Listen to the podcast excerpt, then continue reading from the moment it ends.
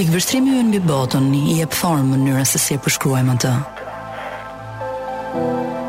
Por ç'mund të ndodhë në një botë kur perceptimet tona plazmohen identike, më shumë se kurrë më parë? Po sikur bota jonë të jetë duke u shndërruar nga një realitet ngjarjesh dhe ndodhish në një realitet objektesh dhe sendesh të thjeshta.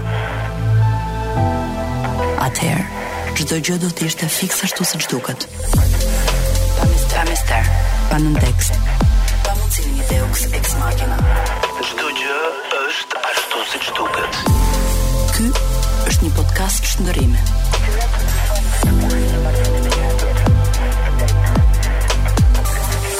Çdo gjë është ashtu siç duket.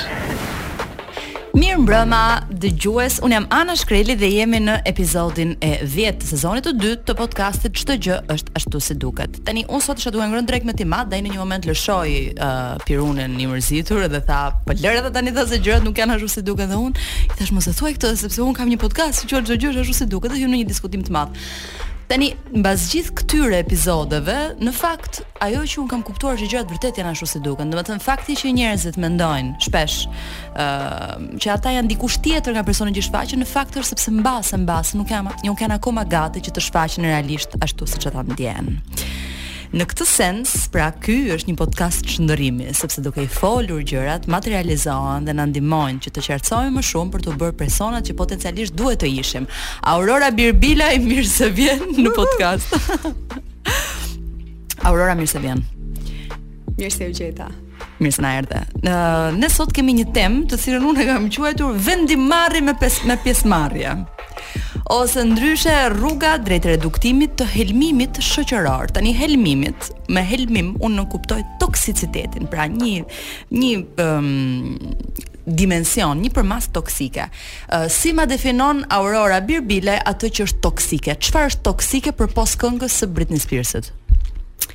Po kam përshtypjen që Britney Spears e ka bërë atë këngën në një fazë shumë toksike të jetës vet, kështu që ku, ku, jo, ka ardhur një herë toksiciteti pastaj kënga. Mund të them një gjë për Britney Spearsin? Patjetër. Uh, unë e kam pas idhull kur kam qenë fëmijë. Të gjithë me. Edhe më gënjenin thonin që i ngjan për më shumë. Dhe uh, e ke parasysh domethënë gjithmonë ndiqja dhe kur kur ndodhi ajo kriza e madhe 2006 2006 ishte ajo kriza e madhe që ndodhi që rruajti kokën doli so, duke po. godit njerëz me çadër Edhe u traumatizova, më kupton kurse sot çdo ditë më shumë un e gjej veten të relatohesh. Totalisht ke kriza e 2006-s, domethënë jam kështu Britni, un nuk të kam kuptuar. Britni për dy ditë rruajti kokën. Eksakt, dhe filloi godasë njerëzit me çadra ku janë dhe kush janë.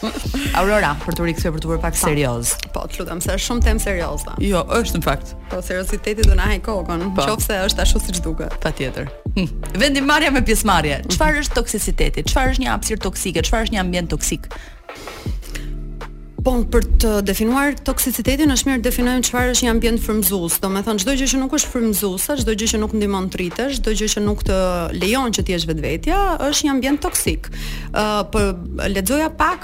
për uh, shtat lloje të lodhjes uh, dhe ne jemi mësuar të flasim për lodhjen fizike dhe për faktin që ne pushojmë kur jemi të lodhur fizikisht, uh, pushojmë duke shkuar në palestër, duke bërë yoga ose duke fjetur gjumë, por ka edhe disa lodhje tjera që janë lodhje emocionale, psikologjike dhe sociale, shumë të ndërthurura që në fakt um, psikologët sugjerojnë që të mos izolohesh nga njerëzit, por të përpiqesh që të rrish me njerëz që të bëjnë që të ndihesh safe. Pra ambiente që nuk të bëjnë që të ndihesh safe, ambiente që të gjykojnë, që të paragjykojnë, që nuk të japin hapësirë për të shprehur veten apo për të qenë versioni më i mirë i vetvetes, ato unë i konsideroj si ambiente helmuese.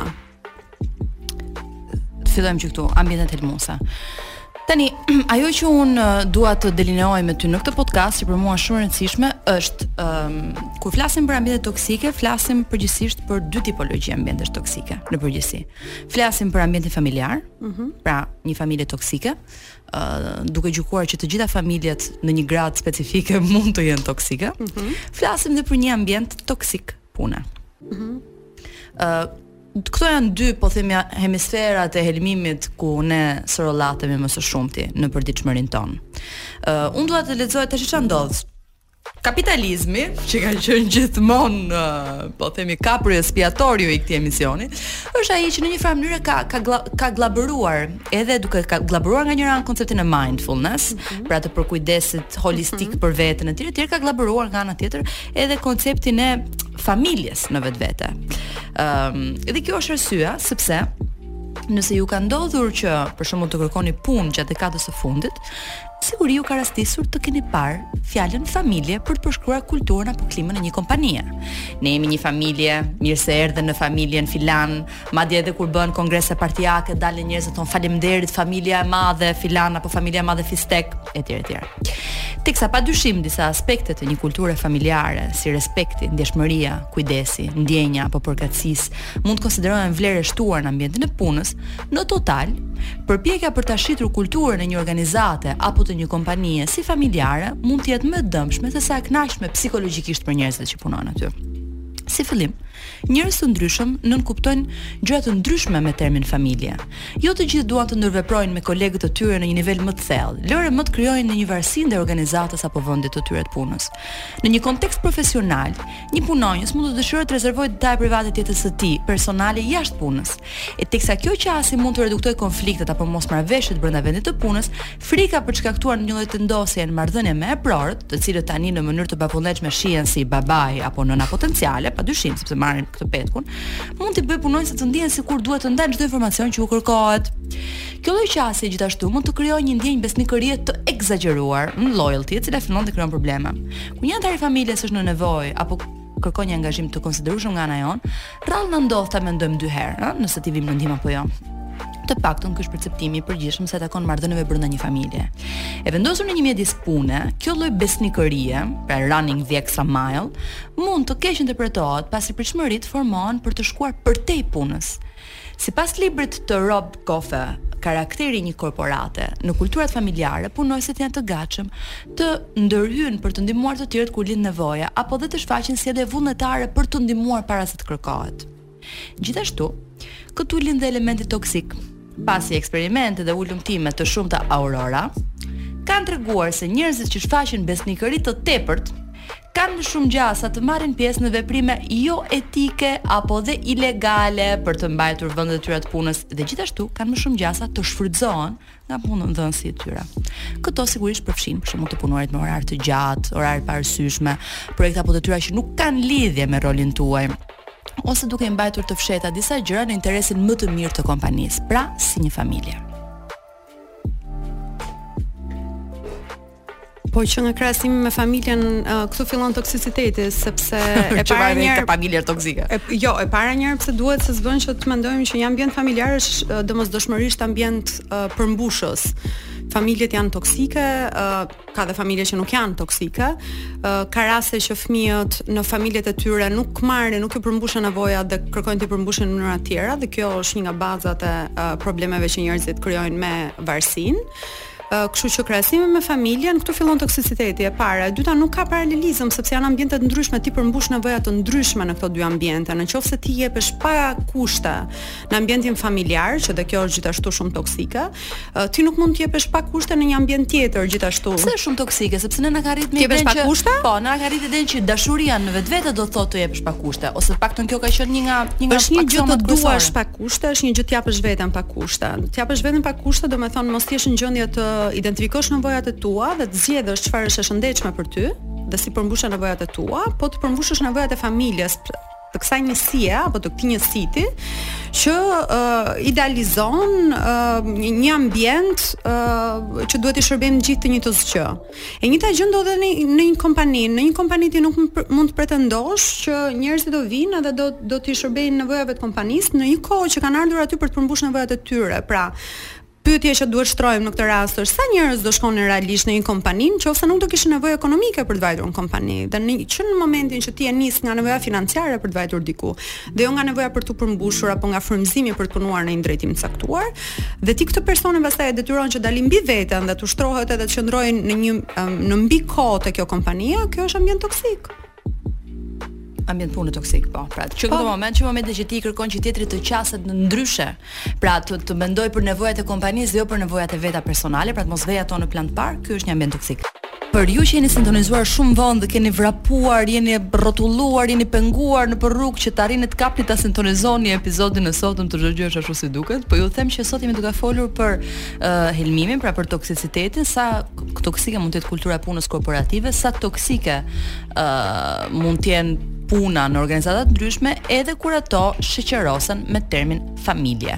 Pasi hey, edhe familjet mund të jenë shumë toksike. Un kam të ftuar Aurora Birbilen dhe uh, jemi këtu duke trajtuar këtë temë. Aurora, ishe duke më thënë që që në momentin që të dyja palët, pra i punësuari dhe punëdhënësi krijojnë, vendosin dy uh, po themi misione të ndryshme, pra uh, atë të përmbushjes së nevojave vetjake mbas përmbushjes së nevojave të kompanisë që këtu fillon dhe bëhet një problem diçka që po themi është toksike dhe kjo gjë mundohet të mbulohet me terme "jemi një familje e vetme", pra punojmë për më shumë hm?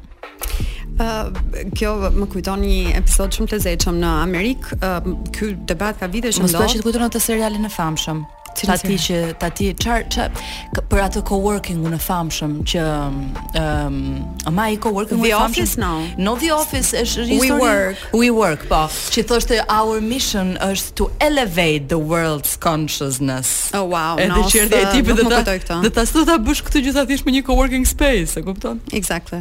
Uh, po, jo, nuk më kujtoi këto, më kujtoi disa kompani si Amazon apo Google, që uh, sigurisht që Amazon ata punojnë që punojnë edhe përgatisin pakot, janë uh, skllevër modernë, po edhe ata që punojnë në uh, pozicione drejtuese dhe që merren me qasjen e prodhimit dhe jo të paketimit edhe të, të sales, uh, janë gjithë kohës nën presionin që çdo gjë ti mund ta bësh në zyrë realisht. edhe um, aty kanë edhe laundry, kanë edhe napping booths, kanë edhe ushqimin që u ofron kompania, që atyre mos t'u duhet që të ikin në në shtëpi që të përgatisin këto gjëra.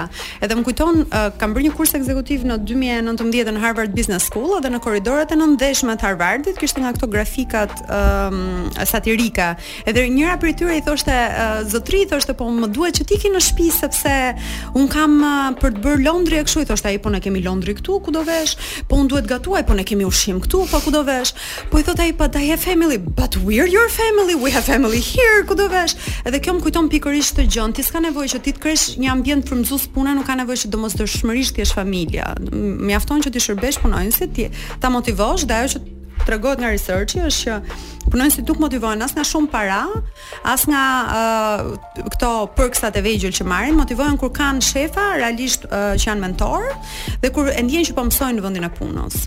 Pra, uh, pra shko në momentin që ti kalon një lloj statusi të caktuar shpërblimi që është një uh, hyn në klasën e mesme dhe përmbush nevojat e tua bazike, pastaj paratë nuk bëjnë ndonjë diferencë të madhe, sa ç'bën diferencë çfarë po mëson dhe sa po nxë. Shumë interesante. Domethënë, është vërtet që gjithë këto kompani si Amazon është një film i jashtëzakonshëm që quhet Sorry We Missed You që tregon ë uh, jua sugjeroj shumë ta shikoni. ë uh, Unë tani do ju këshilloja dhe një link ku ju mund t'i piratoni këto filma, por nuk më lejohet se jam në radio kombëtare dhe pastaj AMA do më gjobisë. Megjithatë, po të më shkruani, uh, do jua tregoj unë ku t'i shihni. ë uh, që quhet Sorry We Missed You. Filmi është fantastik sepse tregon pikërisht këtë, domethënë uh, sfilitjen në nivel gati sëmundjeje që kalojnë njerëzit që dorëzojnë pako. Domethënë ti mendo që ju keni një opsion parimisht në Amazon i cili thotë që pakot të të vijnë nesër dhe për t'ju ardhur nesër pakoja mund ta imagjinoni çfarë bëhet, domethënë që njerëzit të mobilizohen në këtë pikë. Kjo është arsyeja që pse Amazon, që ta dini, punëson njerëzit me një afat specifik, ë uh, dhe pastaj i lë të ikin për arsye që përndryshe do duhet të paguajë më shumë sigurime shëndetësore uh, për sfilitjen reale që i bën punonjësit të tyre. Kështu që në këtë sens po, edhe gjykimi i kompanive në bazë të etikës që kanë, Është shumë interesante. Dhe ajo që më ka rezultuar mua Aurora është që kompanitë që në përgjithësi kanë më pak etikë janë ato që kanë tendencën ta, ta etiketojnë veten si familje. Uh, po kam përshtypjen që kjo është një çik uh, ka një element lavazh truri aty që duan të fillojnë të mendojnë, të shesin diçka që nuk janë, që në fakt që të mendojnë uh, punonjësit dhe ata vetë të të përmirësojnë imazhin e tyre. Po kjo mund të bëhet me, me shumë metoda të tjera, domethënë nuk ka nevojë që uh, punonjësit punonjësit qëndrojnë në një kompani që i frymëzon. Kjo nuk është forma për t'i burgosur njerëzit dhe për t'i detyruar të qëndrojnë në në dinamika që janë të pashëndetshme dhe nuk i shërbejnë as atyre as kompanisë. Ë uh, për shembull, një statistikë shumë e rëndësishme është sa ditë në vit mungon një punonjës në ambientin e punës. Punonjësit që janë të motivuar dhe që janë të stimuluar dhe që ndjejnë që janë duke bërë diçka që është meaningful dhe që identifikohen me punën e tyre, uh, shkojnë punë dhe nuk mungojnë edhe nëse janë smur, punojnë nga shtëpia e gjejnë një lloj mënyre Kjo sigurisht nuk është e këshillueshme nëse je smur ke nevojë të pushosh dhe you should.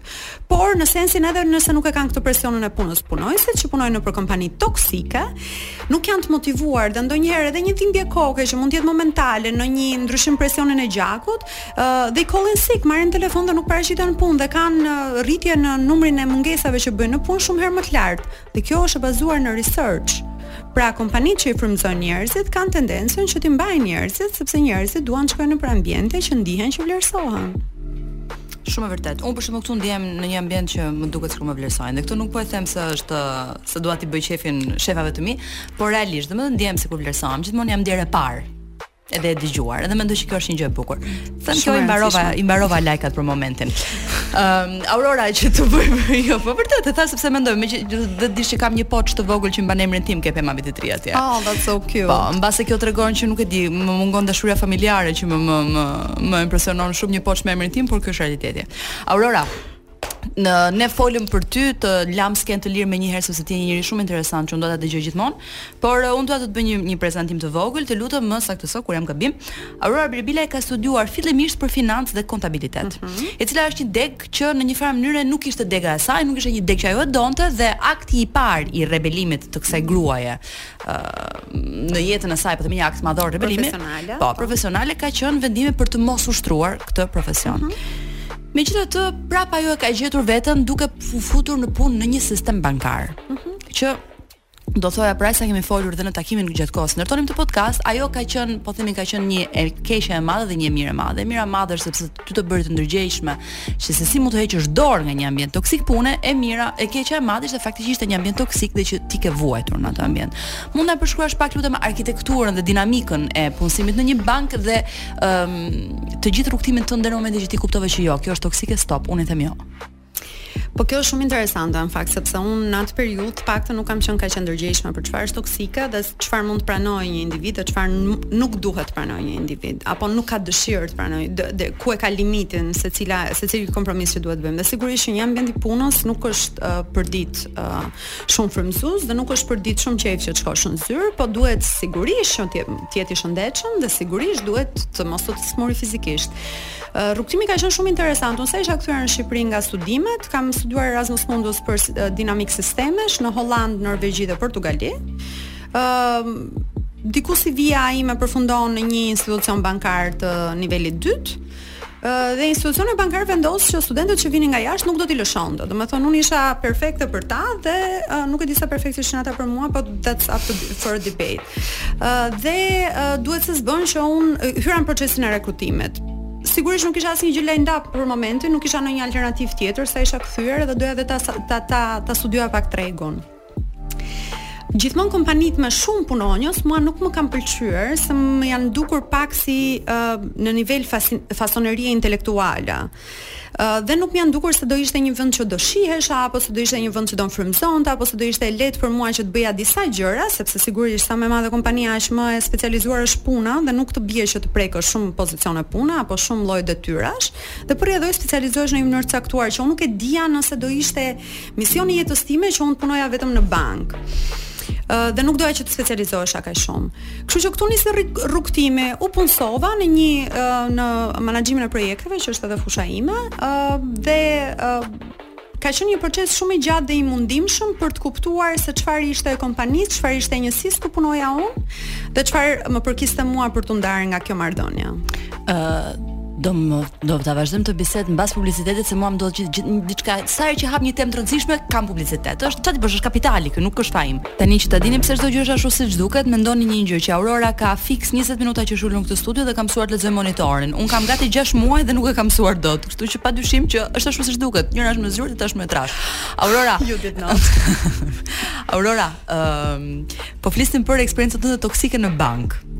Po. Okej, okay. kështu që ti u rekrutove, kalove në të gjithë këto human resources etj etj mm -hmm. dhe erdhe shkove mbërrite në atë pikë. Mhm. Mm Çfarë ndodhi nga ajo pikë? Si u kthye një ambient toksik gati gati në një somatizim? Jo, nuk ka qenë gati gati, ka qenë somatizim, somatizim i plotë. Jo, jo okay. jo, nuk ka qenë gati gati. Domethënë, le të themi gjërat siç janë. Ëm uh, situata ka qenë kjo që ëm um, fatkeqësisht kur punon në institucione të mëdha dhe e vetmja karrierë apo i vetmi vend pune shifet si e vetmja alternativë që ti mund të kesh në jetë, ajo bëhet mision, pastaj edhe bëhet toksike si familja, që ti edhe me, mund të kesh shumë debate me familjen, po s'i ikën dot. Edhe këta njerëz, aty kishte njerëz që punonin në kompani prej shumë vitesh, Ëm uh, ishin shumë të pakënaqur dhe të palumtur,, por nuk iknin nga ajo kompani. Pra stafi senior. Stafi senior, njerëz që kishin uh, ku të jenë 20 vjet aty, uh, që kishin qenë ndër themeluesit e bankës. Ë uh, dhe për rrjedhojë është shumë e vështirë që ky stafi senior të dhe që nuk shef asnjë lloj alternative në treg dhe nuk e nuk nuk ka se si ta manifestojë uh, frustrimin e vet qoftë edhe duke ikur nga kompania ose duke gjetur alternativa të tjera duke krijuar një biznes të vetin apo diku. Uh, gjithë frustrimin fillon e shfryn tek ata që ka më poshtë, sepse sigurisht që stafi senior është senior sepse di të respektojë hierarkinë e kompanisë mm -hmm. dhe ka një arsye pse qëndron atje. Por frustrimi në ne njerëzit jemi si sfungjeri, e thithim një gjë dhe pastaj e nxjerrim se nuk mund ta mbajmë atë atë presionin që thithim dhe presioni nxirrej te stafi që ishte junior si puna uh, ime, apo jo ime, kishte shumë njerëz të të pakënaqur. Somatizimi nisi kur unë fillova të kisha probleme fizike, domethënë unë kisha dhimbje koke të vazhdueshme, kisha dhimbje trupi të vazhdueshme kaloi një somatizim uh, diçka që quhet sindroma e dhimbjes kronike. Domethënë ke dhimbje trupi ndërkohë ti nuk je vrarë. Vetëm sepse nuk arrin të pushosh mirë, sepse ankthi t'i jep këto lloj simptomash, sepse hormonet e stresit të ulin komplet uh, sistemin imun uh, kortizoli të ul sistemin imunitar dhe sepse uh, truri yt nuk është në gjendje të pushojë as gjatë as gjatë natës në një gradë të tillë sa që dentistja ime dalloi që përveç uh, dhëmballëve që më ishin thyer mbushjet për shkak të kërcitjes së dhëmbëve të bruksizmit gjatë natës, kisha edhe dhëmballë tjera që ishte prishur veshja e mbushjeve për shkak të këtij bruksizmi. Dhe më tha je duke kaluar një periudhë të vështirë sepse shoh që um, dhëmbët e tua kanë marrë fund, domethënë. Dhe kjo ishte për harkun kohor 3 muajve. Më pas, problemet u mbivendosën kur prioritet bëhej çdo gjë që kishte të bënte me stafin senior. Domethënë stafi senior vendos se uh, ku do ta ketë tavolinën në zyrë. Stafi senior do që ta ketë zyrën 16 gradë të ulët edhe në dimër se ka vapë, se ka hequr tiroiden, tiroidja nuk i bën rregullimin e uh, temperaturës së trupit, po ndërkohë duhet të jetojnë gjithë njerëzit brenda uh, kësaj dhome, tetë veta brenda një dhome sipas uh, kërkesave dhe nevojave të stafit senior. Problemi fillon kur ti fillon përplasesh me këtë gjë, fillon ankohesh, fillon e raporton te eprorët, er, eprorët nuk bëjnë asgjë, pastaj fillon në disa instanca më të larta që janë ato të burimeve njerëzore. Dhe fillon kërkon ndihmë sepse në fund të ditës ti nuk e ke marrëdhënien me individin që ke në zyrë, ti marrëdhënien e ke me institucionin që të ka punësuar ty dhe ai individ e ka gjithashtu me institucionin dhe është përgjegjësi e secilit institucion të sigurohet se kë sjell në një ambient pune. Pra, politikat që bën kompania për punonjësit dhe për mirëqenien e punonjësve janë ato që në fakt krijojnë dinamikat, janë ato që krijojnë dinamikat e pushtetit, që krijojnë dinamikat e promovimit. Ti duke promovuar njerëz të caktuar i tregon punonjësve të tjerë se si duhet sillen që të promovohen. Dhe kjo është në shumë vende edhe shumë kompani shumë të mira, ajo që bëjnë është njerëzit që janë sketchy, që janë pak të dyshimtë, që janë lajkatar, po ndërkohë janë të paqëndrueshëm edhe Janë njerëz pa integritet nuk i punësojnë fare. Kurse shembulli i suksesit dhe ky kjo është një gjë tjetër toksike, modeli i suksesit që kemi në kulturën tonë. Ëm ehm, uh, shembulli i suksesit ishin këta njerëz që kishin arritur në pozicione drejtuese dhe ishin bërë senior manager në mënyra shumë interesante dhe të dyshimta. Por ëm uh, statusi i tyre nuk ka pse t'i kushtojë shëndetit dikujt tjetër. Kështu që uh, në një bashkëjetesë për një vit e gjysmë në një zyrë me disa zonja që kishin shumë vapë edhe në dimër, Uh, unë përjetova një um, bronshit azmatik të tejzgjatur që u manifestu me ilaçe dhe raporte mjekësore javë për javë dhe muaj për muaj që nuk ishin si ato mungesat në punë se nuk je i motivuar po ishin se nuk mund të shkoje në punë kur ti kishe ethe gjatë gjithë kohës edhe pasi dilje nga puna në gusht për shembull ose në korrik që ishte shumë vapë Uh, dhe pastaj u kulminuan uh, me pompa azme që unë i kam marrë pas rreth një viti uh, që kisha këto probleme uh, dhe e kuptova aty e kuptova që ky ishte limiti, domethënë ty nuk mund të të bëjë një uh, ambient pune që ti shkon për t'u rritur profesionalisht, për të siguruar financiarisht veten, nuk mund të të bëjë që gjithë ato paratë që ti merr t'i shpenzosh për ilaçe dhe pastaj në fund shëndetin ta kesh prapë më keq. Se ilaçet që të japin për azmën në fakt janë kortizon. Janë ilaçe um, që janë hormone stresi që ty të ulin komplet inflamacionin e trupit dhe duke të ulin inflamacionin, të ulin sistemin imunitar dhe ti je pron ndaj çdo lloj sëmundje. Dhe kjo është një ambient toksik në ekstremin e saj, i cili gjithashtu është karakterizuar në një proces dhe nga dhunë verbale. Po.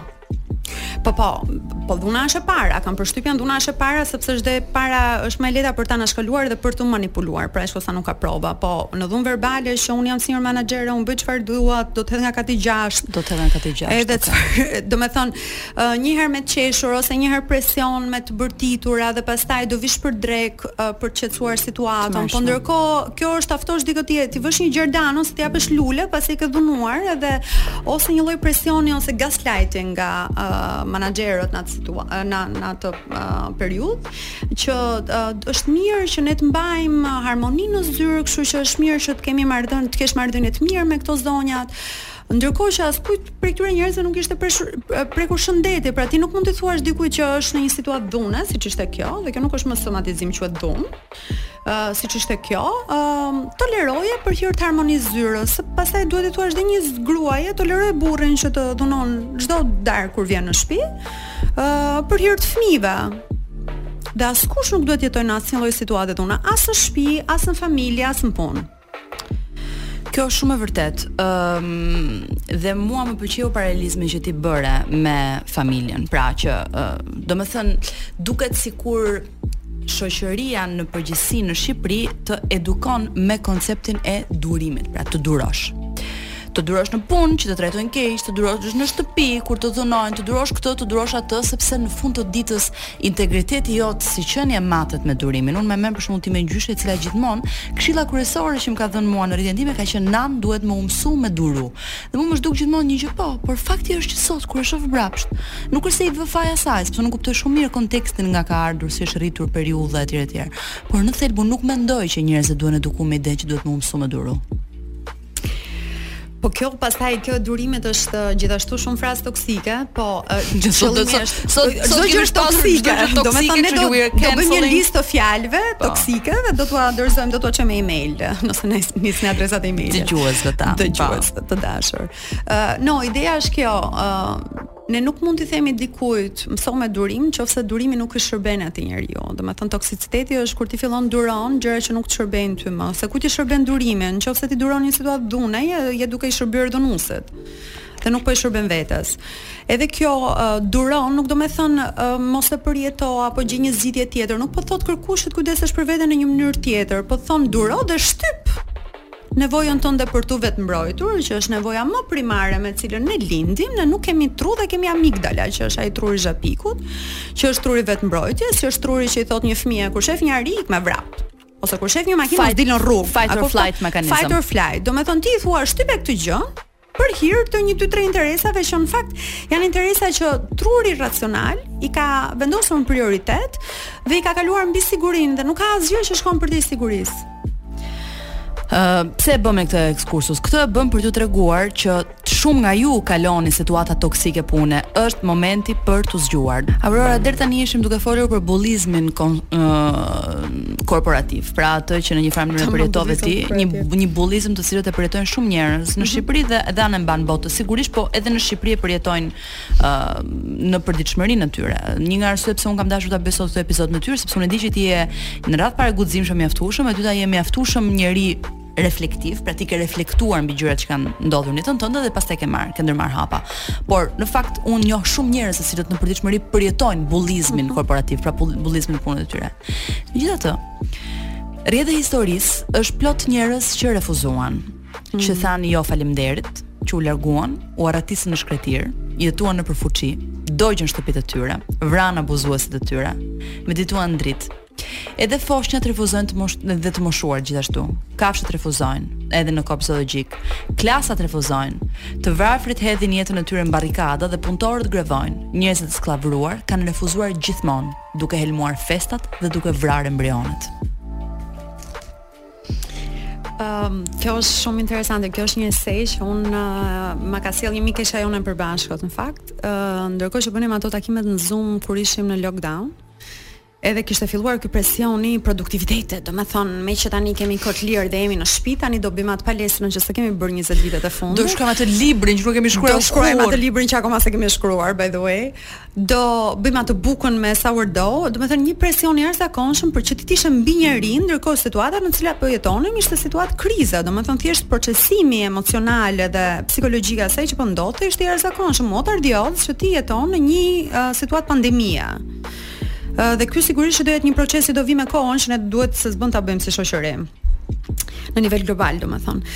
Dhe në një far pike u gjenda në këtë zoomin edhe i thash unë ndjej këtë presionin. Dy javë e para e mora me vrrull si gjithë të tjerët, edhe unë jo me ushtrime, me gatime, me ku di unë. Çfarë uh, mund të bëja brenda mureve të shtëpisë, ta mbaja veten busy. Pas dy javësh e gjeta veten duke parë edhe një herë Friendsat nga fillimi, se doja një gjë safe, që e dija që ishte për të qeshur, edhe që shkarkoja gjithë atë tensionin edhe ankthin që më jepte qoftë edhe të blija bukë poshtë pallatit. Dhe në një moment i them te ky zumi që no, domethënë unë kam gjithë këtë presionin që duhet të bëj gjithë këto gjëra dhe të bëhem versioni më i mirë i vetes, se tani paskam gjithë kohën e botës, por jo, nuk dua ta bëj këtë, domethënë një sens i përkujdesjes ndaj vetes, është edhe të mësosh të thuash jo, është edhe të marrësh përgjegjësi mbi uh, atë që ti ke në dorë, Edhe të njohësh se përgjegjësia është edhe, domethënë, liria në këtë rast është edhe përgjegjësi. Ë uh, dhe kjo liria, kesha... liria është gjithmonë përgjegjësi. Kjo është ajo që thotë Erik Fromm. Absolutisht. Po, thotë që njerëzit, njerëzit prandaj nuk lindin të lirë, njerëzit edukohen për të qenë të lirë, sepse ajo është një proces në të cilin ti mëson të jesh i lirë, mëson të marrësh përgjegjësinë e lirisë tënde përsipër. Pa, unë nuk e di nëse njerëzit nuk lindin të lirë. Mendoj që njerëzit në mënyrë intuitive uh, e dinë se çfarë është liria dhe diku nëpër sistem e humbasin rrugën drejt lirisë dhe përpiqen të punojnë që për t'u rikthyer te ajo. Tani fakti që ti që kur lind, fakti po. që ti që kur lind, po, ti ke nevojë, pra je në varësinë e dikujt që të mund të mbijetosh. Absolutisht. Po, tregon që je i ndërvarur, po, je i ndërvarur, që tregon që liria është një rrugëtim. Absolutisht. Të gjithëve ne. Absolutisht po. Vazhdo të lutem se të ndërpreva. Jo, dhe më vjen kjo eseja dhe më thotë, "Oh, ka një ese shumë interesante që është kjo eseja No", që thotë për gjithë, domethënë një mënyrë uh, se si ne gjithashtu mund të ndryshojmë rendin e të bërit gjërave ose rendin shoqëror është edhe duke refuzuar. duke refuzuar që të bëjmë një jetë mediokre, duke refuzuar që të bëjmë një punë që nuk na pëlqen, duke refuzuar që të bëhemi pjesë e një sistemi të cilin ne nuk e mbështesim dhe nuk e respektojmë, duke refuzuar këto um, institucionet e autoritetit apo autoritative, siç janë njerëzit më të rritur në familje. Mua për shembull një frazë që mua më ngjeth mishin është nuk të takon ty të flasësh se ka më të rritur këtu. O zot i madh. Dhe a thu se kjo më të rritur domethënë më të mençur. Të thoshte këtë, do do t'i dëgjoja me shumë ëndje ata njerëzit më të mençur, por nuk do të thotë këtë, do të thotë thjesht ata njerëz më të mëdhenj në moshë. Dhe mosha jo domosdoshmërisht kalohet duke u pjekur dhe duke u mençuar edhe duke u bërë version më i mirë i vetes. Jo, ka njerëz që bëhen version më i keq i vetes me kalimin e viteve. Exactly. Kështu që kjo këto institucionet e autoritetit e të hierarkisë që janë thjesht për hir të moshës apo për hir të statusit social apo për hir të um, nuk e di të mbiemrit që ka, apo për hir të pozicionit punës, mua më ngjethin mishin sepse janë ca gjëra me të cilat njerëzit janë kaq komplekse në vetvete sa unë nuk shoh vlerë te këto. Domethënë këto në mënyrë të izoluar nuk përbëjnë vlerë. Për mua përbën vlerë çfarë bën njeriu me këto gjëra që i jepen. Po pra, është ajo që folëm që në një farë mënyre pushteti në vetvete nuk do thotë asgjë, sa autoriteti barazon pushtet.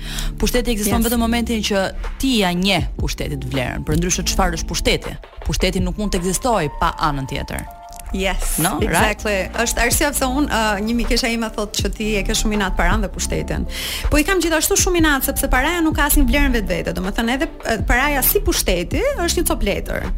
Vlerën ja jep banka qendrore e secilit shtet. E di Aurora po, e di Aurora po kjo lidhet me çdo gjë se e ke lexuar atë pasazhin aq të bukur te Princi i Vogël i Saint-Exupéry-së, që thotë arsyeja pse ky trëndafil ka vlerë për mua është sepse është trëndafili im ngaqë un kam harxhuar orë dhe dashuri për ta ushqyer dhe për ta mëkuar, për ta rritur. Absolutisht, po në këtë rast kështu që çdo gjë në thelb me vlerë, si është është monedhë vlere, sepse dikush është investuar për të dhe e konsideron të veten, domethënë është është manifestim i attachment, i lidhjes që ti ke me trëndafilin. Kurse paraja nuk ka asnjë lidhje me individin, asnjëri nga ne s'ka emocione për paranë, ka emocione për gjërat që mund të blejë me paranë. Apo gjëra që mund të arrijmë me pushtetin. Do të thënë ti si si si majtiste, si majtiste që qenke qenke me idenë Varufakis, sepse ai këtë thotë që shpëtimi do vijë momenti që ne do eliminojmë po themi valutën dhe do të rikthehemi tek shkëmbimi për gjëra që na nevojiten, që mund të jenë ushqim, mund të jenë shumë gjëra. Ne ishim duke folur për Varufakisin kur prrat ra perdja edhe na ndërpreu diskutimin. Aurora po më thoshte që o sa i bukur është Varoufakis. Është në fakt shumë karizmatik, kështu që gjysma e bukurisë është, s'është i bukur në fakt, është thjesht interesant e ka nga karizma. Um, anyways, unë mendoj që ajo që ai uh, propozon është uh, goxha drastike për fazën që po kalon bota sot. Që të hiqet valuta që të hiqet valuta dhe ne të fillojmë të këmbejmë mall me mall, se pastaj sa e vështirë do ishte për të blerë fije, duhet të shkojë në Turqi në uh, për të blerë fije, për të bërë copën për shkak të fije extension a flokësh. No, no, no, nuk ah. nuk e uh, frekuentoj si treg, kështu që s'e di as ku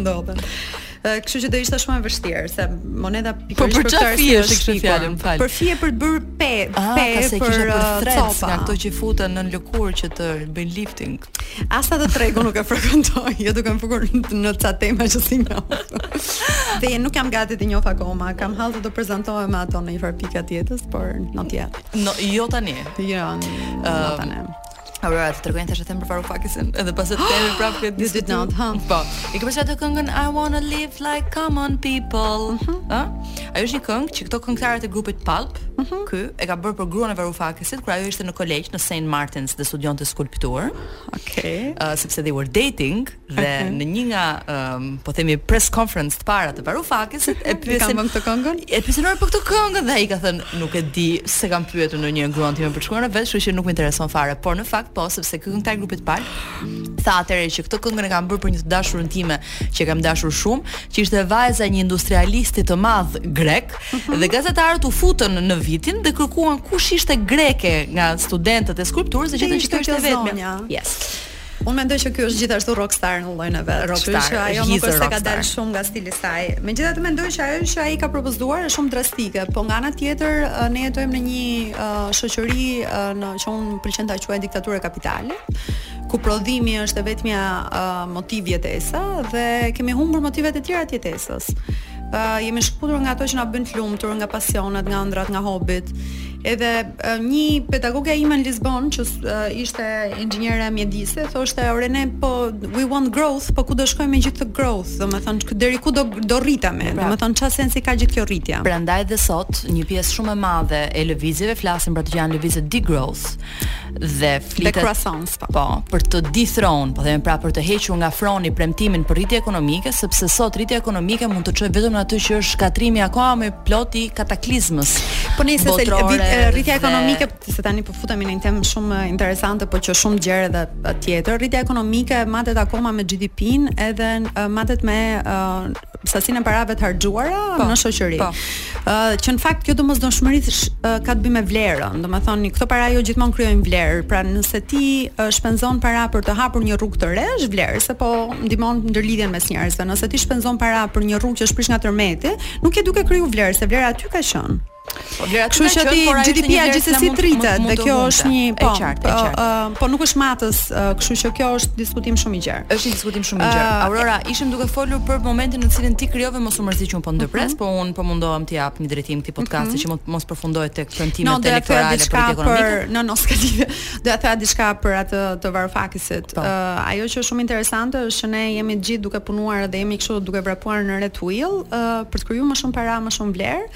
Edhe po paguajmë njerëz tjerë që të na kryejnë funksionet tona bazike, domethënë po punësojmë njerëz tjerë që të na gatuajnë, që të na pastrojnë, që të na rrisin fëmijët. Edhe jemi pra, duke u po shkëputur po njerëz që të na i bëjnë fëmijët. Pikërisht.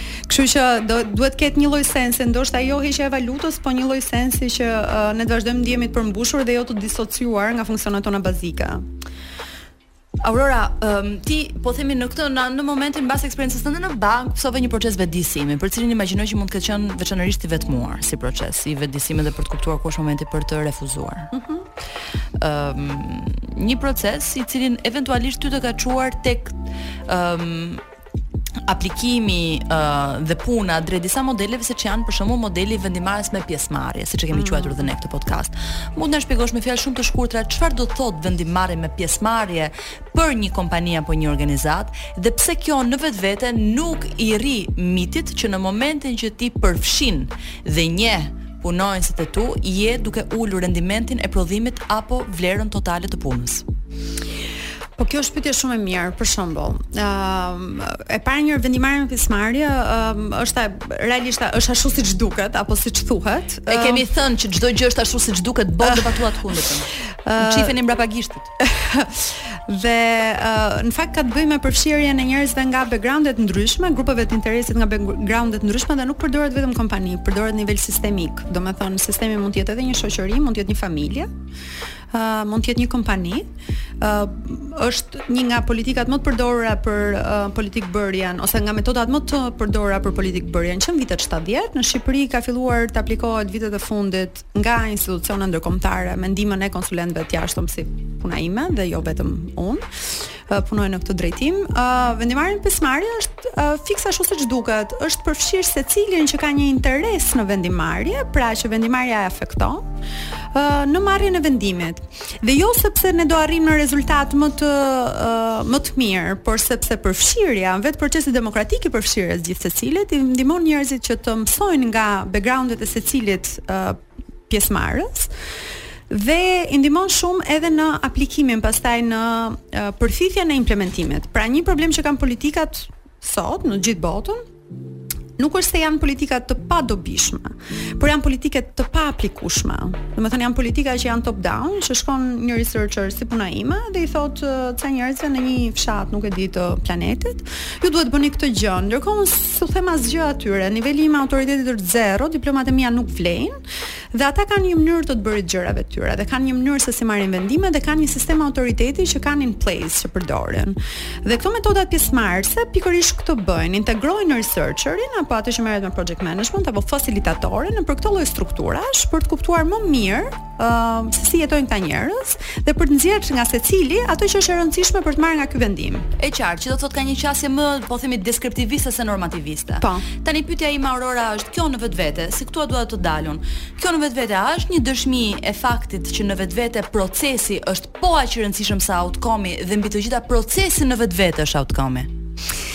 Absolutisht po. Domethënë, mund të shpjegojmë pse procesi është shumë i rëndësishëm, sidomos në shoqëritë të cilat duan të demokratizohen. Uh, po, kjo edhe kjo është shumë interesante se demokracia apo demokratizimi është proces. Ë, uh, po, pikërisht. Kështu që uh, procesi është shumë i rëndësishëm. Unë do thosha është më i rëndësishëm se rezultati, sepse uh, ka pa, një nga uh, researcherat në System Dynamics, uh, John Sterman, që është uh, the Bible man i themi në fushën tonë, uh, ka thënë që uh, jo të gjithë modelet ka, janë të drejtë, janë të, të mirë, pra modele dinamike, ato që ne përdorim për simulim, but some of them are useful. Domethënë, ti ndërton këto modelet me këta njerëzit që vijnë nga terreni, që janë ata që janë aplikues të shkencës në këtë rast, janë ata që e jetojnë terrenin përditë, dhe përdor këtë metodologjinë dhe kur e përdor ndoshta modeli apo reduksioni që ti i bën realitetit është shumë i zhveshur nga dinamizmi që realiteti ka dhe nga kompleksiteti. Çfarë do të thotë kjo, na e thjesht pak lutem po. se na bëre pak trurin dhall me Do tani ke një minutë kohë për të na e bërë më të lehtë që gjithë ta kuptojmë. Patjetër. Uh, Atëherë, kur ne ndërtojmë modele dinamike, i ndërtojmë për të replikuar shoqërinë. Po. Por modeli pra, dinamik pra, nuk mund të jetë në atë nivel kompleksiteti që është shoqëria, po. sepse ti do të kuptosh diçka të caktuar dhe uh, boundary-t apo kufijtë e këtij modeli që ti vendos, Janë në varësi të asaj që ti do të kuptosh. Dhe ti bën këtë simulimin.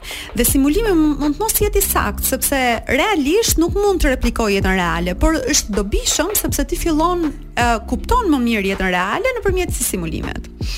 Kështu që vendimmarrja me pjesëmarrje ka treguar që në fakt njerëzit nga fakti që ndihen të konsideruar, fillojnë dhe aplikojnë dhe ndihmojnë dhe në në implementimin. Prandaj procesi në këtë rast është shumë i rëndësishëm se rezultatet. Tani përpara se kjo gjë të ishte super shkencore dhe diktuar nga universitetet, ka patur një rast vendimmarrje me pjesëmarrje që ti ke jetuar paraprakisht?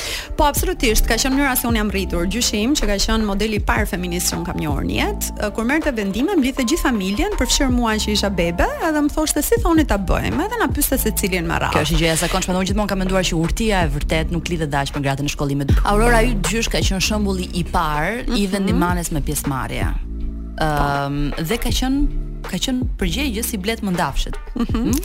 Uh, ka qenë veterinar në profesion, ka qenë përgjegjës i bletë-mëndafshit për Republikën e Shqipërisë uh, dhe mendoj që mençuria e tij dhe uh, qetësia apo maturia për të marrë vendimet ka qenë shumë e ndërlidhur me tokën, me edhe me natyrën, edhe e kam vënë re këtë lloj pjekurie, edhe pleqërimi, po jo në kuptimin e moshës, po pleqërimi në kuptimin e maturisë, në mënyrën edhe si i qasen të panjohurës edhe tjetrit. Ai kishte shumë dashuri për njerëzit, domethënë kur kur takonte njerëzit, kishte shumë dëshirë si të rrinte me një bari, si të rrinte ku di unë me një pedagog, kishte shumë dëshirë të njihte dhe kishte shumë dashuri edhe edhe shumë pozitivitet që ata të ecnin përpara. Kjo është një gjë shumë e bukur. Megjithatë marrëdhëniet familjare nuk janë gjithmonë kaq uh, pozitive. Uh, edhe në të njëjtën familje ka momente që dinamikat kthehen në mhm. toksike, nuk do të thotë që kanë qenë gjithmonë të tilla. Ëm mhm. uh, um, zakonisht kjo gjë mund të ndodhi pas po, th po themi uh, pësimit të një traume. Mm -hmm. uh, në një familje apo dhe të një traume ndaj njërit pjesëtar të familjes, jo domosdoshmërisht ndaj të gjithëve, në atë moment mund të fillojnë të zhvillohen dinamika toksike. Ëm Po kjo është shumë interesante, se në fakt trauma, ë për të cituar Gabor Maten tani, ë që është një psikanalist ë French Canadian, ë francez kanadez, ë profesor në British Columbia University, ë dhe që unë e kam Biblën time për çështjet e self helpit, Ëm ai thotë që trauma nuk është ajo që na ndodh, pra nuk është ngjarja, është mënyra si mbahemi kur na ndodh një ngjarje traumatike. Domethënë ngjarja traumatike jo domosdoshmërisht transferohet në traumë. Ti mund të vritet një fëmijë mund të vritet, por nuk është traumatike për aq kohë sa ka një të rritur pranë apo dikush që është në gjendje që të përkujdeset për të.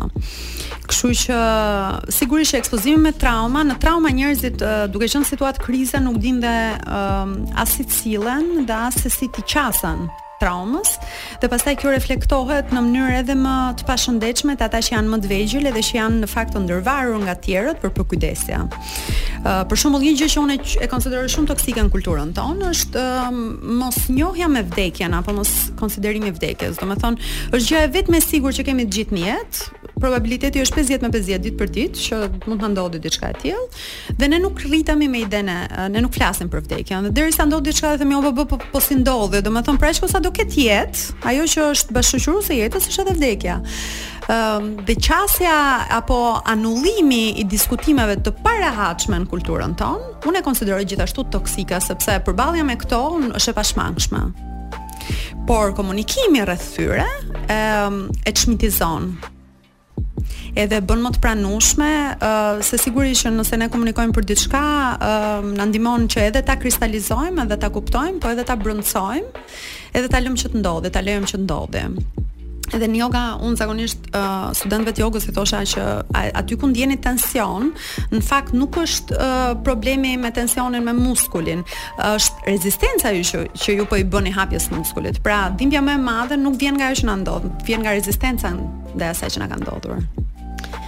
Mund të lexoj një pasazh të Gabor Maté, mm -hmm. um, në librin e tij, ë um, i cili titullohet Miti i normales, ë mm -hmm. uh, trauma, sëmundja dhe shërimi në një hapësirë toksike, ëh, kështu do ta mhm, përktheja në mm -hmm. shqip. Mm -hmm. Dhe thotë, Të gjitha traumat, thotë, janë preverbale, mhm. shkruan psikiatri Bessel van der Kolk. Deklarata e tij është e vërtetë në dy kuptime. Së pari, plagët psikike që mbajmë shpesh na shkaktohen përpara se truri ynë të jetë në gjendje të formulojë çdo lloj narrative verbale. Mhm. Së dyti, Edhe pasi pajisemi me gjuhë, disa plagë janë ngulitur në zona të sistemit tonë nervor që nuk kanë të bëjnë fare me gjuhën apo me konceptet. Kjo përfshin zonat e trurit, natyrisht, por edhe pjesën tjetër të trupit. Ato janë të ruajtura në ato pjesë tona ku fjalët dhe mendimet nuk mund t'i arrijnë drejtpërdrejt. Ne madje mund ta quajmë këtë nivel të kodimit traumatik subverbal, pra nën, ë, nënverbal.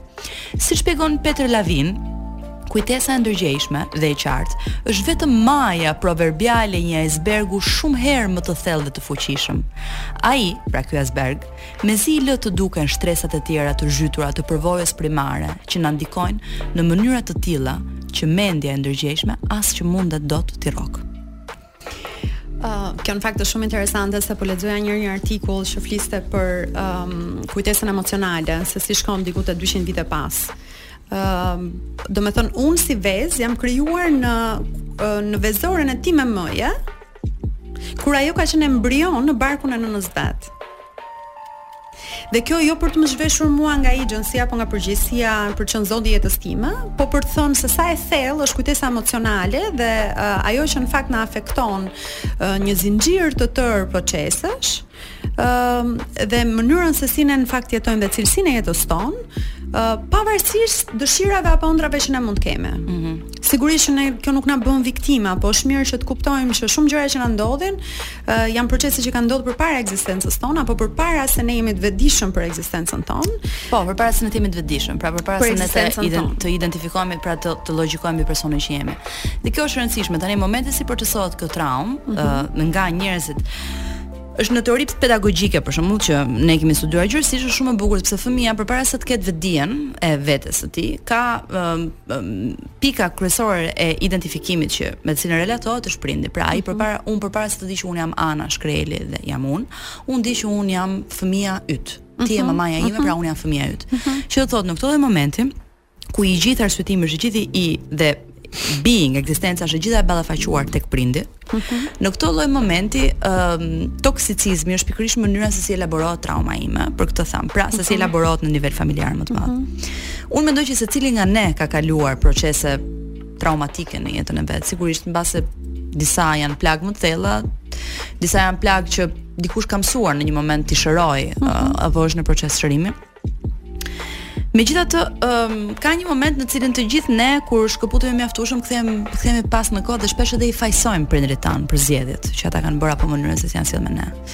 Um, mendoj që edhe unë po të kthej kokën pas në kohë mund të identifikoj një periudhë specifike të jetës time që po i fajësoj sepse shpesh më duket sikur gjërat që nuk shkojnë tek unë mhm. apo gjërat që unë mhm. tek të cilat komplekset që unë kam, turpet që unë kam, frikërat që unë kam, ndjenja të caktuar inferioriteti që unë kam brenda meje lidhen me një periudhë specifike që unë mund ta identifikoj nga mosha, po themi 15 deri 18 dhe mund të them dhe pse.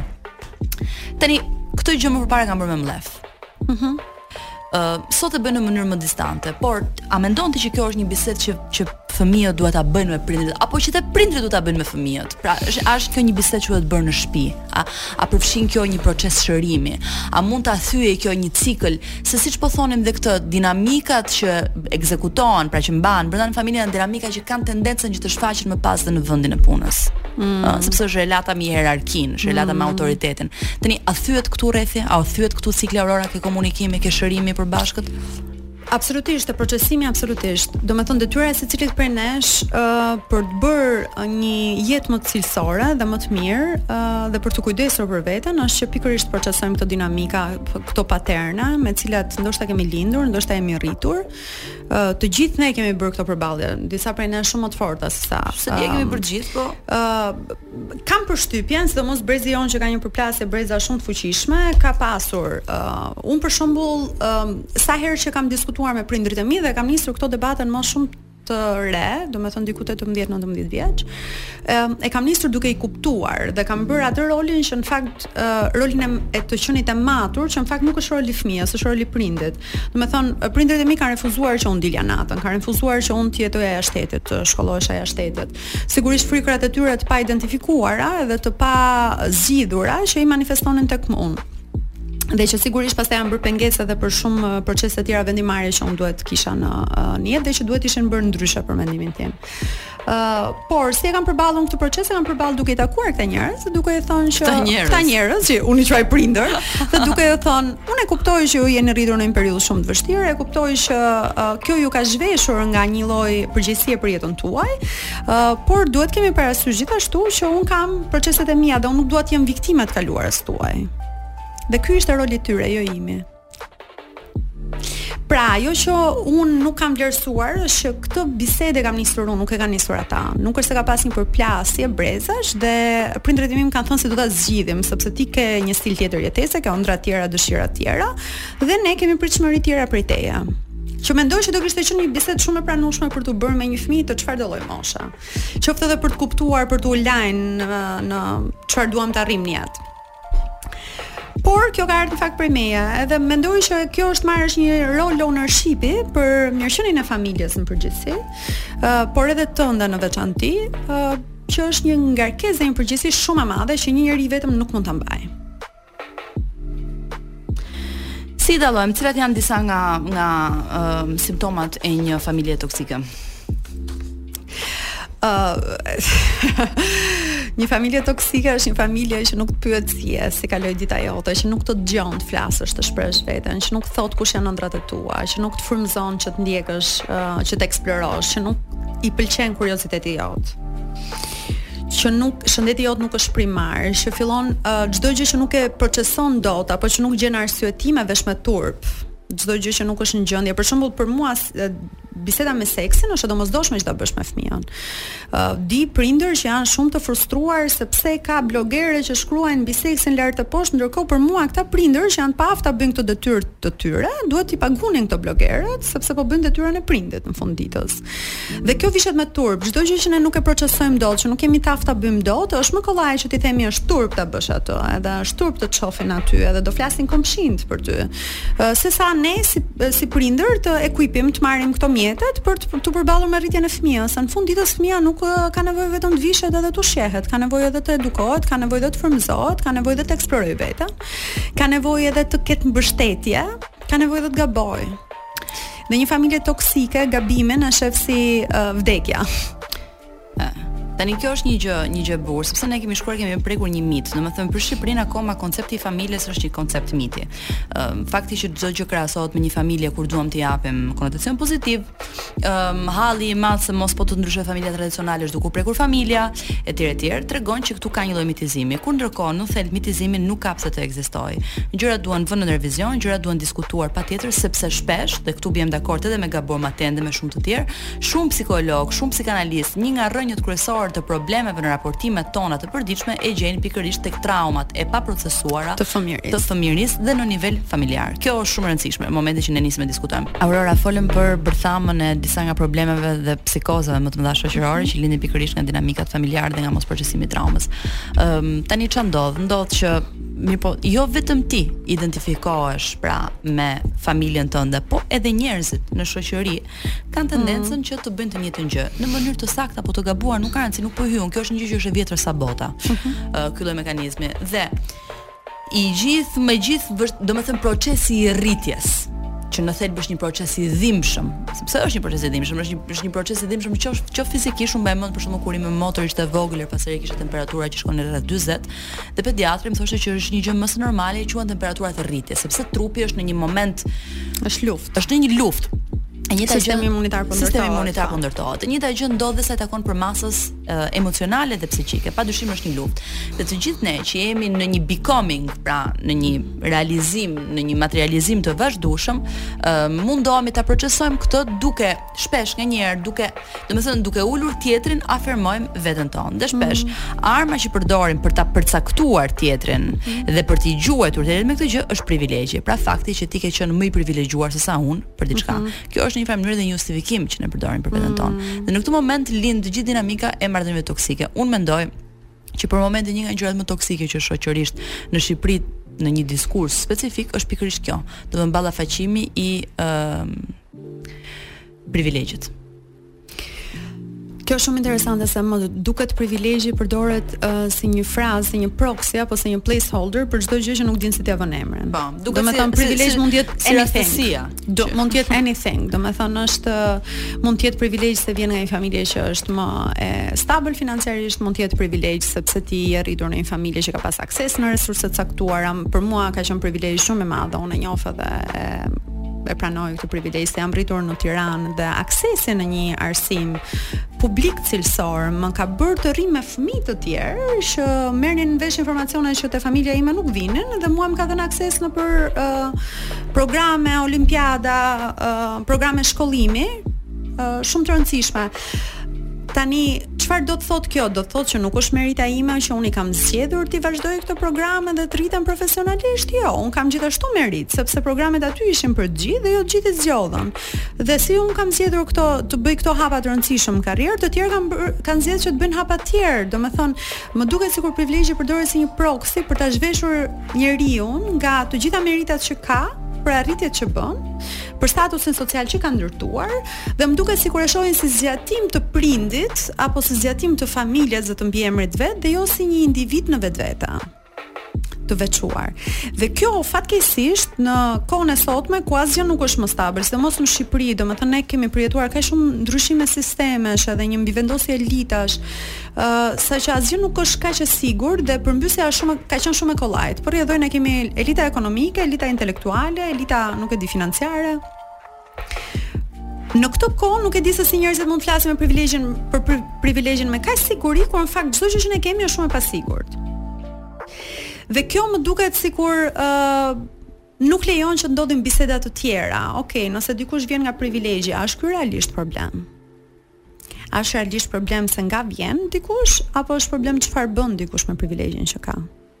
Se në qoftë se vjen nga privilegji dhe këtë ti e përdor për të ndërtuar jetën tënde dhe për të ndërtuar komunitetin në cilin ti jeton, ke të gjithë respektin tim, po në qoftë se ti e përdor për të dhunuar tjerët, kjo pastaj merr vlerë tjetër, nuk ta ka fajin privilegji, ta kanë fajin nevojat neurotike që ti identifikon duke dhunuar tjerët.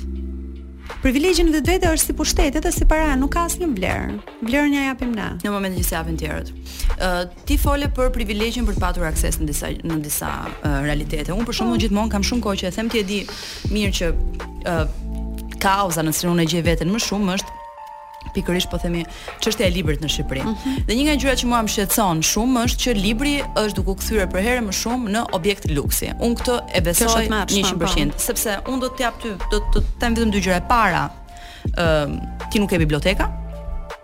E dyta, librarien në librari kanë akses vetëm njerëzit që jetojnë brenda unazës së vogël të Tiranës. Po të dalësh, po, po të dalësh jashtë unazës së vogël të Tiranës, njerëzit nuk kanë akses në librari. Ë, uh, kjo është gjë që më shqetëson sepse pikërisht për këtë flasim. Pra, privilegji ka arritur në pikën që është aksesi, ë, aksesi ndaj dijes. Mhm. Mm aksesi ndaj arsimit të mirë, aksesi ndaj librit, aksesi ndaj edukimit kulturor, aksesi ndaj një sistemi shëndetësor etj etj, po këto janë gjëra të tjera. Janë të tjera. Po ajo që në fakt ti po flet, ti po flet për availability, gatishmërinë e, po, këtyre gjërave, jo aksesi, aksesi, aksesi lidhet me mundësinë që ke ti për t'i marrë këto gjëra. Po patjetër Aurora, po nëse këto nuk janë available, exactly. Jo, mundësia jo, ime të dyja pjesë të së njëjtës gjë. Po. Mundësia ime është pothuajse inekzistente, po. sepse padyshim që ne mund të shtrojmë diskutimin që ku, kushdo ikën në këmbë dhe vjen shkon në qendër edhe e blen. Dhe mbi, por nuk është çështja. Të mbijetojmë që të jemi heronj të shoqërisë mm, moderne, po, nuk është çështja aty.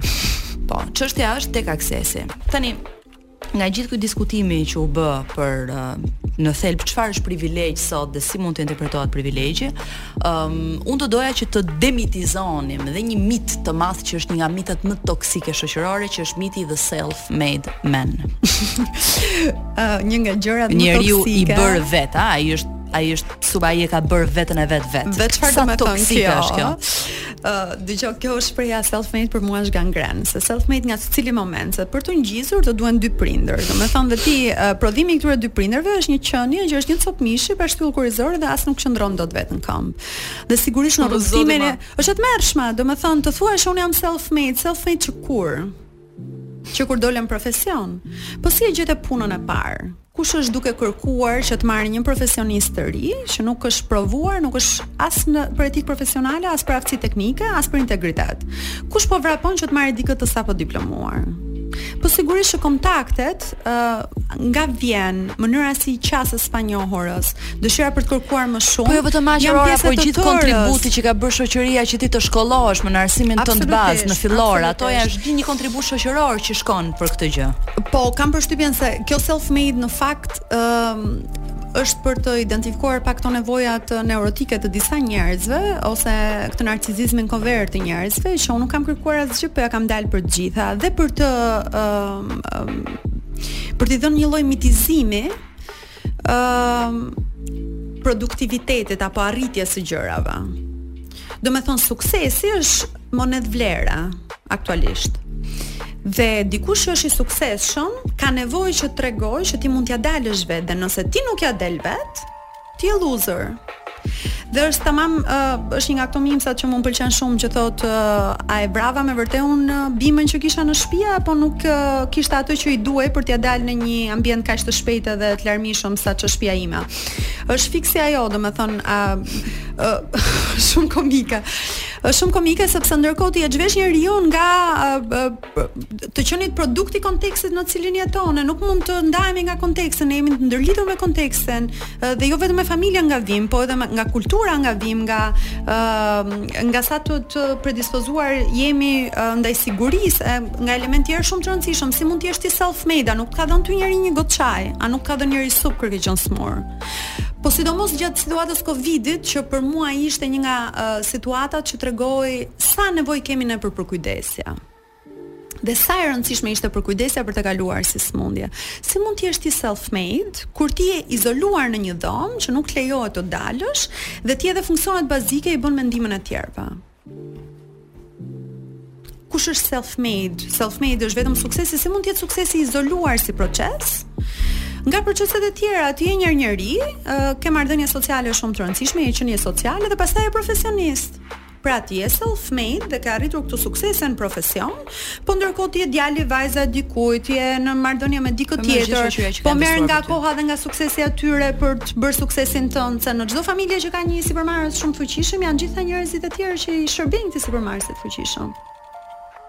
Prandaj është shumë e rëndësishme që në një farë mënyre kjo të diskutohet dhe të demitizohet, sepse duhet kuptuar që ne nuk jemi ishuj që ekzistojmë më vete. Ne jemi të gjithë sisteme ndërvepruese, të gjithë japim dhe marrim me njëri tjetrin dhe edhe ata që janë, po themi, që shkëlqejnë mes nesh, është produkti i, i është produkti i të gjithë shoqërisë. Dhe kjo është arsyeja që pse institucionet shoqërore duhet të jenë gjithmonë shumë të forta dhe duhet investuar gjithmonë në to, sepse është e vetmja mënyrë që 2, 3, 4, 5, po dhe më shumë individë mbase të bëhen ai njeriu i suksesshëm. Është një sukses i cili i atribuohet të gjithëve. Dhe që këtu për mua fillon dhe mbaron ky diskutim toksik që filani u bë se ai e kishte brenda vetes, tjetri nuk u bë etj etj. Pra jemi self made me shoqni. Nuk kemi self made t'izolum. Po jemi self made gjithë bashkë. Po pra jemi një komunitet self made. Dhe, dhe për të qenë komunitet, Për mua duhen lënë mënjanë këto armët toksike, jo armët kimike, por armët toksike, uh, që janë ta godasim njëri tjetrin duke treguar uh, kush është më i privilegjuar se kush tjetër. Ne do kalojmë në publicitet dhe pastaj do rihyjmë në pjesën e fundit të diskutimit për të folur për sa toksik është elementi i pozitivitetit që janë pikërisht këto që uh, t'ia dalësh, të bësh si brenda vetes self-made man etj etj. Pra gjithë ato libra që i lexoni përgjithësisht shumë për fat keq për dëshmërinë Mirëmbrëma, jemi rikthyer në pjesën e fundit të podcastit uh, dhe të ditës së sotme unë kam patur të ftuar Aurora Birbilen, e cila është një personazh shumë intrigues dhe shumë interesant, intrigues dhe interesant dhe jo më një personazh shumë intrigant. Atë po mendoja tash i shiforia, që në fakt do të thotë që mund të jesh. Por të gjithë mund të jemi intrigantë, it's a choice të gjithë. Uh, për mua kanë thënë gjithmonë që Edi është një intrigante e vogël. E ke një gjë. Aurora, um, kishim zbërthyer we debunked mitin e the self made man, ë, të famshmin, ë, të Great Gatsbyn e madh John Gatsbyn e madh e shpërbëmë uh, që ky miti i the self made man qëndron në fakt edhe në bazë të ëndrrës amerikane dhe të një tufë me uh, ëndrrave të tjera si këto uh, Megjithatë ky është një mit i cili çfarë ndodh me mitet në përgjithësi. Me mitet zakonisht mitet nuk vdesin. Mitet shndë, domethënë, ulen, ulen, po. poshtë dalgës, transformohen, shndërrohen dhe dalin në forma të tjera. Për mua, një nga, uh, nëse self-made meni ka qenë miti, po themi i viteve 20-50, në vetvete. Ëm mm -hmm. uh, sot ka ridalë në sipërfaqe përmes atyre që janë mindfulness, the positive thinking, përqendrimi mm. ke vetja, puna ke vetja etj etj. Dhe unë isha duke lexuar një artikull uh, interesant tek The Atlantic para ca kohësh, që fliste pikërisht për këtë, për sa toksik mm -hmm. në thelb është diktatura e pozitivitetit. Dhe vetëm diktatura ka. Vetëm diktatura. Sot kemi fol për toxicity edhe po, diktatura. Po, siç tha Fatos Arapi në Tiranë ka vetëm Tiranë. Oh, that's a good one. Po, poezi po shumë bukur, fantastike. Kur kur ti i lexon ato gjëra që thu si ka mundësi që nuk e kam menduar unë më përpara këtë. Megjithatë, ok. Sot kemi fol vetëm për këtë gjë, po sepse tema ishte toksiciteti, ishte tematika, dhe unë u mërzita në fakt që në regji s'ma vunë asnjëherë toks, uh, Toxic të Britney Spears, po ok. Uh, Aurora, dhe kjo është toksike në thelb. Ëm um, sepse ça ndodh, në këtë lloj që po thonim në këtë lloj diktature praktikisht Çfarë ndodh? Kjo ky ka filluar mindfulness. Mm -hmm. Është një koncept i cili kryesisht ka dalë nga filozofi siç është siç është budizmi, hinduizmi mm -hmm. e me mhm. radhë, dhe në një moment është gllabëruar nga sistemi mm -hmm. ynë për ta përdorur për hir të profitit dhe për të ruajtur status quo-n, sepse mm -hmm. siç kemi mhm. thënë, çdo gjë që ruan status quo-n i bën nder regjimit aktual, mm -hmm. regjimit ekonomik, politik etj etj. Sepse ti duke i parë problemet tek vetja jote, ëh, mm -hmm. dhe duke diskutuar problemet e vetes mhm. tënde mm -hmm. vetëm, mm -hmm. duke u nisur nga ground zero, pra çdo gjë mhm. happens brenda ndodh brenda meje, ti praktikisht nuk diskuton ato lloj gjërash të cilat ty ta pamundsojnë këtë lloj atmosfere, mm -hmm. këtë lloj ekosistemi që ti të zhvillosh potencialin tënd maksimal. Pra ato që janë probleme klasore, vazhdojnë të jenë të tilla, ato që janë probleme ekonomike, vazhdojnë të jenë të tilla, ato që janë mhm. probleme arsimore, vazhdojnë të jenë të tilla. Që do të thotë, çfarë ndodh? Është një mekanizëm për të mpakur dhe për të zbutur revoltën publike. Ose të paktën ky është një nga shqetësimet që shtrohet sot. Um, absolutisht e para një herë çdo gjë ka potencial për të qenë treg në një shoqëri si e sotmja, uh, që është thellësisht kapitaliste dhe konsumeriste. Ëm uh, dhe duket sikur duke konsumuar më shumë mindfulness do na mbarojnë hallet. pa i zgjidhur hallet dhe pa i diskutuar hallet, uh, thjesht duke lexuar më shumë. Është një koncept shumë interesant që quhet spiritual bypassing.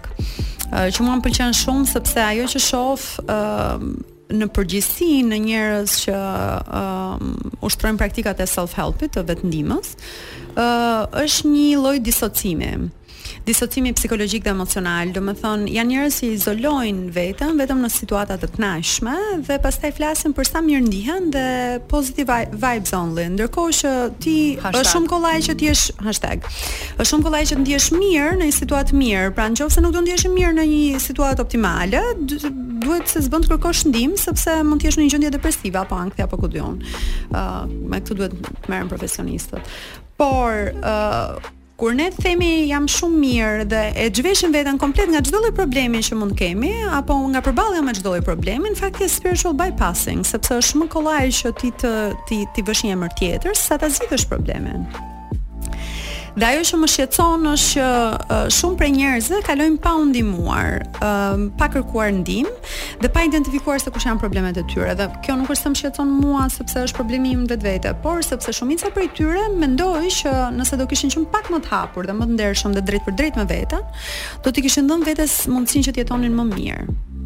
Se nuk është turp të kesh probleme, as nuk është turp të kesh trauma, ë dhe as nuk është turp të mos kërkosh ndihmë, po mendoj dhe ndjej që kam keqardhjen për njerëz që nuk kërkojnë ndihmë, sepse ndihma gjithashtu është treg në vete, kështu që gjithashtu është everywhere. Çështja është çfarë bën me këtë ndihmën, a e përdor këtë ndihmën në funksionin tënd apo e përdor këtë ndihmën për për t'u arratisur nga problemet që ka. Ë, uh, ky problem i tregut është shumë interesant se për shembull, ë, um, Gabor Mateja gjithashtu to come back to him, uh, thotë që trauma lidhet me dy koncepte shumë të rëndësishme në fëmijëri, lidhet me uh, konceptin e attachment dhe authenticity. Pra ne kemi dy funksione primare që është lidhja me njerëz të tjerë, se jemi qenie sociale. Uh, prandaj ndiejmë braktisjen, uh, ndiejmë shumë është nga frikërat tona më të mëdha dhe autenticitetin. Pra ne jemi njerëz që kemi dëshira, intuita, ëndrra të caktuara dhe fillojmë të shtypim këto për të shërbyer një lloj uh, frame të caktuar, një lloj kornize të caktuar shoqërore që është më e pranuar. Unë për shembull kam qenë fëmijë shumë dinamik dhe shumë e zhurmshme. Dhe gjithmonë ka qenë shumë problem, sepse unë gjithmonë kisha opinionin tim, isha shumë rebele, im vllai ishte shumë i qetë, ishte shumë i rritur, shumë i pjekur, mendoj edhe për shkak të peshës së të qenit vlla i madh, fatkeqësisht, se një fëmijë nuk ka nevojë të jetë aq i pjekur. ë Dhe sigurisht që presioni që un kam ndier gjatë rritjes time ka qenë që un të isha pak më shumë si ai dhe më pak si vetja. Dhe këtë e kam manifestuar në shumë zgjedhje që kam bërë në jetë, që në fakt mua më kanë bërë që të jetoj e stresuar dhe uh, duke mos eksploruar potencialin tim dhe duke mos qenë e lumtur. Kështu që Nga ana tjetër, yoga ka qenë një gjë që mua më ka ndihmuar të vetëdijësohem për sa në diskomfort kam qenë me me veten time, sepse uh, yoga uh, unë kam takuar yogën rastësisht, nga kurioziteti i tepruar për t'u arratisur nga problemet që kisha në atë kohë. Ë, uh, po kuptova që në fakt ti mund të jetosh mirë, mund të marrësh frymë thellë, ë, uh, mund ta kesh presionin e gjakut më të ulur. Ë, uh, nuk ka nevojë që gjithmonë vetullat t'i kesh të ngrysura. Pra, yoga stimulon atë që quhet sistemi nervor parasimpatik. Pra, uh, sistemi nervor simpatik është ai që lidhet me atë trurin uh, e amigdalës, që është truri jonë reptil, që është fight or flight, është ajo me të cilën lindim dhe pastaj uh, sistemi nervor parasimpatik është ai që stimulohet nëpërmjet racionit. Pra, të bën njeri pak më racional, pak më të matur, pak më të tërhequr, pak më observues, uh, një njeri që nuk vrapon direkt për të marrë vendime dhe për të uh, për për, për t'u hedhur në veprim, po reflekton pak më shumë. Dhe sigurisht që ky është një lloj tregu që mua më ka volitur, sepse më ka bërë më të vetëdijshme rreth vetes time. Mendoj që është një treg që un kam ditur ta aksesoj, uh, me një lloj sensi kritik dhe Kjo për kë Kjo është e rëndësishme se këtu doja të kthehesha te sensi kritik. Pra të mos e parit sepse halli im i madh është që në momentin që ti kridhesh komplet në këtë self helpin, praktikisht je prap duke e parë veten tënde si ishull, që ti mund të ekzistosh i izoluar sepse universi jot është në rregull. Në fakt nuk është ashtu. Uh, absolutik nuk mund të jetë ashtu, domethënë është e pa uh, Shqipëria ka jetu si ishull për një 50 vite dhe no. nuk ishte ashtu, nuk ja dolëm dot edhe ajo hipokrizia e ishullit ishte shumë hipokrizi se në fakt ne bënim trade. me vende të tjera. Ëh, uh, kështu që është e pamundur të jetosh vetëm. Ëh, uh, dhe nuk ka pse të jetë e mundur, pra është që sa ti mund të përmbushësh nevojat edhe edhe tuat dhe të njerëzve të tjerë në ndërveprime të tjera. Ëh, uh, problemi qëndron kur um, këto nevoja nuk përmbushen dhe fillojmë ne fillojmë të izolohemi, domethënë ne fillojmë të gjejmë edhe problemin dhe zgjidhjen te vetja. Dhe ajo që po lexoja që është shumë interesante për këtë lodhjen sociale dhe mendore është që ti duhet të rish me njerëz që të bëjnë të ndihesh mirë. Pra ti mund të kesh lodhje sociale nga presioni shoqëror që merr edhe me njerëz që gjithmonë që të bullizojnë, që të vendosin në pikëpyetje, që fillojnë të, të hedhin poshtë ku di unë, por ti mund ta marrësh uh, atë hapësirën tënde për t'u relaksuar dhe për t'u rindërtuar, duke ndenjur me njerëz që në fakt që të bëjnë ndihesh rehat edhe të të plotësojnë. Aurora, ky ishte një mesazh shumë i bukur që uh, dhamë tani.